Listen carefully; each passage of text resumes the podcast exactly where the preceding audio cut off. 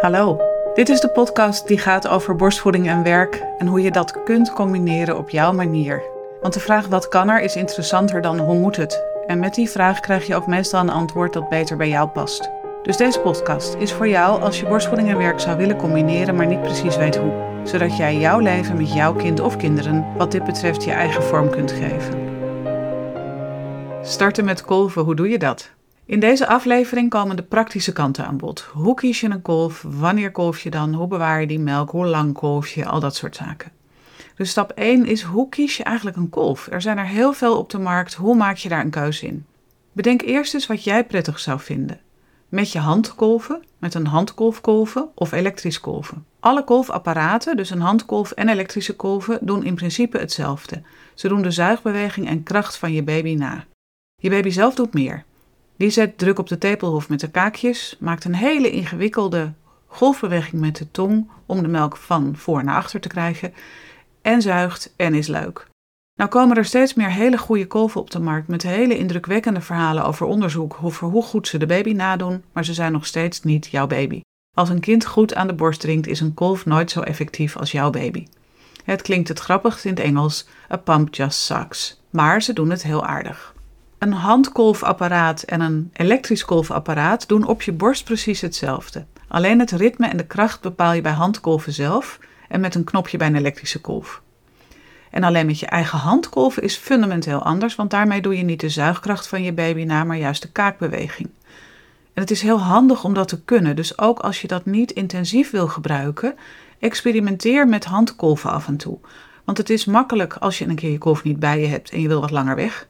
Of als je kolf ineens stuk gaat en je hebt, moet wel kolven. Maar je kunt het ook gebruiken om de melkstroom vrij te krijgen, om, om de melk letterlijk te laten lopen, als de kolf even niet doet wat je zou willen, omdat je bijvoorbeeld gespannen bent of zo. Dus experimenteer daar vooral wel mee. Vraag eerst eens rond in je vriendenkring. Hebben bekenden al ervaring met bepaalde kolfapparaten? En ideaal gezegd, zou je er één of twee een keer kunnen zien, vasthouden en horen? Zelfs zonder zo'n ding direct op je borst te zetten, kun je dan toch al een beeld krijgen. En als het om een elektrische kolf gaat, zorg dat je het geluid even kan horen. Want als het geluid je ontzettend irriteert, zoek dan vooral naar een ander merk. Het toeschieten van melk is een reflex die geremd wordt door stress. En je ergeren aan geluid kan je ervaring tijdens kolven echt vervelend maken en je kolfopbrengst ook verminderen. Dan moet je gaan denken als je elektrisch wil gaan kolven over dubbel- of enkelzijdig kolven. Dubbelzijdig kolven stimuleert melkproductie meer dan enkelzijdig kolven en het bespaart tijd. Want je bent met twee borsten tegelijk in één keer klaar. Maar dat werkt alleen als je je er oké bij voelt. Want bij kolven ben je afhankelijk van die toeschietsreflex. En als jij je super ongemakkelijk voelt zitten met die twee dingen op je borst, dan zal je melk minder makkelijk gaan stromen. En dan is voor jou enkelzijdig kolven met een kop thee in je andere hand misschien een veel effectievere manier. Enkelzijdig kolven met zachte druk van je vrije hand geeft ook een wat vettere melkopbrengst. Het voordeel van een dubbele kolf is wel dat je die altijd ook enkel kunt gebruiken, maar een enkele kolf kun je natuurlijk niet dubbel gebruiken. Dus als je twijfelt en je kunt het je de investering veroorloven, is een dubbele kolf, geeft wat meer ruimte. Die nieuwste handsfree kolven, die helemaal niet eens meer draadjes en apparaatjes los van jou hebben, maar die je gewoon helemaal in je BH schuift, die zijn natuurlijk super makkelijk wat dat betreft. Maar die hebben een ander aandachtspunt. Het lijkt wel alsof je met die kolven gewoon alles kan doen wat je doet. Je schuift ze in je BH, je gaat gewoon door met je leven, met je werk, je kunt autorijden, hoppa. Maar zo werkt het niet. Het toeschieten van melk vraagt ontspanning en het levert ontspanning op. Je wordt er wazig van. Als jij dus met de kolf in je BH heel hard gaat zitten rekenen, dan zul je of rekenfouten maken, of minder melk kolven, of allebei niet lekker doen. Autorijden met zo'n ding in je BH is echt riskant, want je wordt een beetje stoned. Dus ook met zo'n ding wat je in je BH kan schuiven, moet je nog steeds lekker gaan zitten en mag je nog steeds even gewoon een pauze nemen. Je hoeft niet alles tegelijk te doen. Zo'n hands-free kolf die je in je BH schuift is wel heel handig als je geen goede kolfruimte tot je beschikking hebt. Want dan is het heel fijn als je gewoon in een kamer kan gaan zitten waarbij je wel even je pauze neemt om te kolven. Maar als er iemand binnenloopt, niemand ziet dat je zit te kolven. Dus het vergroot dan je gemak, maar neem nog steeds even pauze om te kolven. En als je dan een keer een beeld hebt van enkel, dubbel, hand of elektrisch of hands-free, bepaal dan je budget en kijk rond. En voordat je blind het goedkoopste online aanbod ingaat, bedenk ook even hoe belangrijk dat kolven in je dagelijks leven gaat zijn. Een goedkopere aanschaf betekent meestal ook minder service. En als jij heel intensief wil gaan kolven en je hebt je kolf dus echt nodig, dan is het fijn om te weten dat je leverancier, degene waar je hem koopt, ook een service verleent. Want het moet dan op korte termijn wel aan losse onderdelen kunnen komen. Of als je kolf stuk gaat, heb je op korte termijn een vervanging nodig. En dan een anoniem bedrijf wat zegt stuurt u hem maar op, dan krijgt u binnen vijf weken een nieuwe, kan je in de problemen brengen. Dus bedenk goed wat je aan service nodig hebt. En het kan zijn dat dat de investering van een iets hogere uitgave bij een iets persoonlijker bedrijf waard is. En als je dat allemaal bedacht hebt, dan mag je zo eigenwijs zijn als je wilt. Kun je kiezen uit twee kolven waarvan je de ene heel lelijk vindt? Neem de mooiere. Oké, je hebt je kolf, je hebt hem uitgepakt, je hebt de onderdelen schoongemaakt. Wanneer golf je? Dat hangt deels ervan af of je een voorraad nodig hebt en ook van hoe ruim of hoe krap je melkproductie is. Want als je extra gaat kolven, dan stimuleer je je melkproductie. Zo voelt het niet. Je haalt melk uit je borst en die zet je in de vriezer. En dan lijkt het alsof je je kind bij de voeding daarna tekort gaat doen. Er zal te weinig melk zijn. Hier merk je nou heel duidelijk hoe anders borstvoeding werkt dan geld. Vraag en aanbod is in dit geval hoe meer je eruit haalt, hoe meer je gaat maken. Door extra kolven ga je dus juist je productie stimuleren. Oké, als je kind een half uur nadat jij je borsten helemaal soepel gekolfd hebt, meteen bij je wil drinken, dan zal er op dat moment te weinig melk zijn. Nou, dat is makkelijk op te lossen. Dan geef je je gekolfde melk met de fles als toetje. Dan heb je even geen voorraad, maar wel een blij kind. Op de lange termijn, als je dat vaker doet, stimuleer je juist je melkproductie. Als je een normale melkproductie hebt, dus jij en je kind zijn leuk in balans, kolf dan één keer per dag na een voeding, meteen daarna of een half uurtje, één of twee borsten tegelijk. En de normale opbrengst is dan zo'n 30 cc, 50 cc. Als je weinig melk hebt, dus je denkt, nou, het mag eigenlijk wel wat meer zijn, kolf dan een half uur of een uur na de voeding.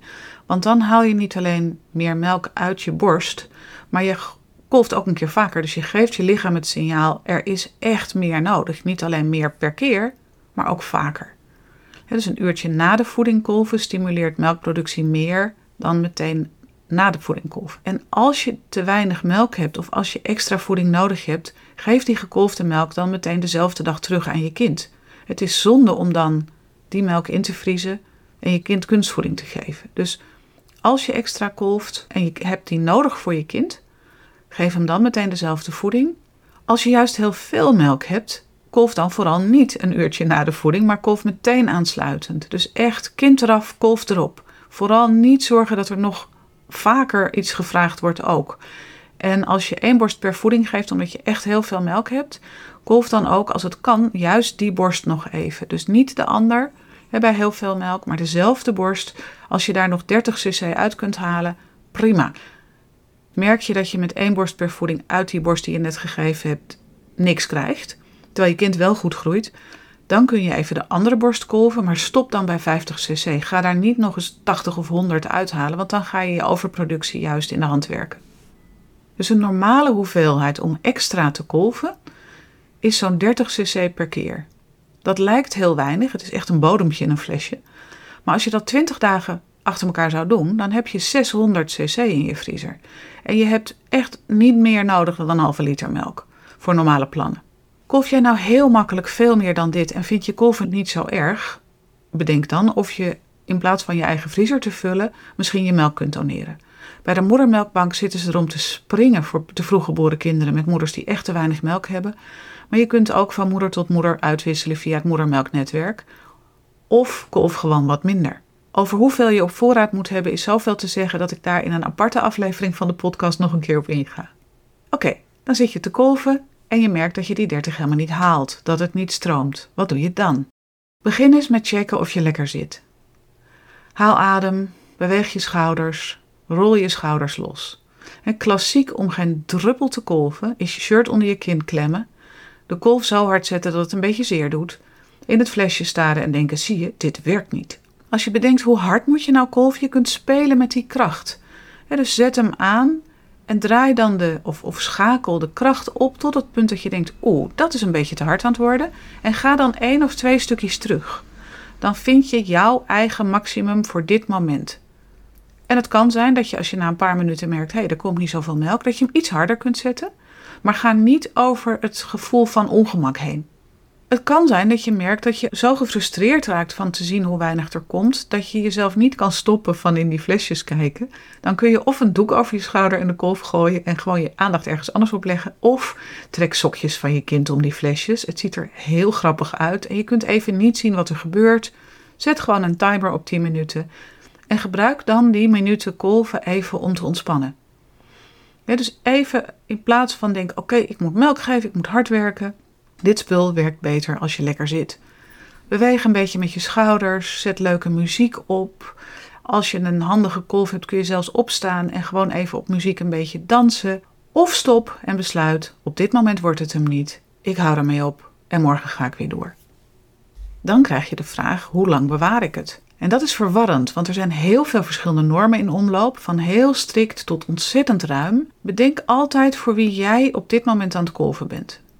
Als je aan het kolven bent voor jouw kind wat in de couveuse ligt en heel kwetsbaar is, volg dan de regels die je van het ziekenhuis krijgt. Als je kolft voor jouw eigen kind wat kerngezond is en thuis is, dan mag je waarschijnlijk je melk wat langer bewaren dan de meeste minimumnormen aangeven.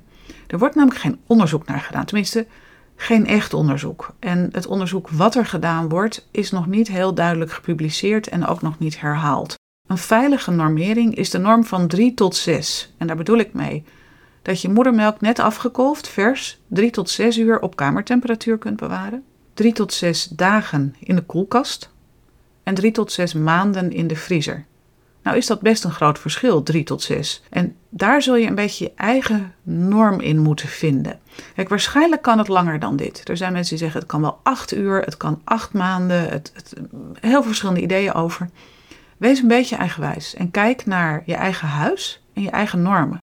Als jij iemand bent die heel schoon is en die het snel vervelend vindt als je zeg maar de randjes van schoon raakt, dan hou je die drie uur normen aan. Ook al zeggen mensen het kan best langer. Als jij er beter bij voelt, hou die drie uur norm aan. Weet je dat je een behoorlijk schoon huis hebt? Is je kind hartstikke stevig? En ben je redelijk oké met niet al te hygiënisch perfect leven? En een graadmeter is hoe vaak maak je je koelkast schoon bijvoorbeeld. Eh, eh, en als die redelijk schoon is, dan kun je dus eerder naar die zes uur gaan. Begin een beetje aan de nette kant voor je eigen gevoel, want je wordt vanzelf slordiger. Naarmate je langer kolft, je kind groter wordt, word je terecht slordiger qua hygiëne. dus begin even netjes en ga langzamerhand gewoner. Dus dat bewaren, 3 tot 6 uur buiten de koelkast meteen na afkolven. En dan kun je het gewoon op kamertemperatuur geven. 3 tot 6 dagen in de koelkast. En als je het langer dan 3 tot 6 dagen wil bewaren, vries je het in. En daarna spoel je je kolfspullen af. Misschien was je ze even af met een beetje zeepsop. En bewaar ze dan op een plek die kan ademen. Dus liever een vergiet dan een plastic doos. En leg daar een hydrofieldoek overheen, zodat het niet kan gaan smetten. En dan zijn ze in principe weer klaar voor de volgende ronde. Je zou de eerste weken één keer per dag kunnen uitkoken. Het is niet helemaal duidelijk of dat nou echt nodig is. Maar als je een afwasmachine hebt, 60 graden geldt als uitkoken. En de meeste kolfspullen kunnen gewoon in die afwasmachine. Voordat je een enorme voorraad op gaat bouwen, raad ik je wel aan om even te testen of jouw melk goed houdbaar is. Verreweg de meeste vrouwen kunnen melk prima invriezen, maar er is een kleine groep vrouwen waar de melk een enzym bevat wat een beetje overactief lijkt, lipase, en hun melk bederft heel snel. Voordat je echt je voorraad in gaat vriezen, doe even een test. Kolf wat melk af, zet die in de koelkast en vries die een paar uur later in. En haal die twee dagen later uit de vriezer, ontdooi en ruik. Als die melk een beetje muf of zeepig ruikt, niets aan de hand. Als je kind hem drinkt, niets aan de hand. Als je een probleem met lipase hebt, dan ruikt je melk na dat ontdooien heel erg vies. De termen als kots worden gebruikt. En de meeste kinderen willen die melk ook echt niet meer. Je wil hem ook echt niet meer geven. Stel dat je merkt dat na dat korte invriezen jouw melk echt bedorven ruikt. Neem dan contact op met een lactatiekundige, want er zijn manieren om dat proces te stoppen.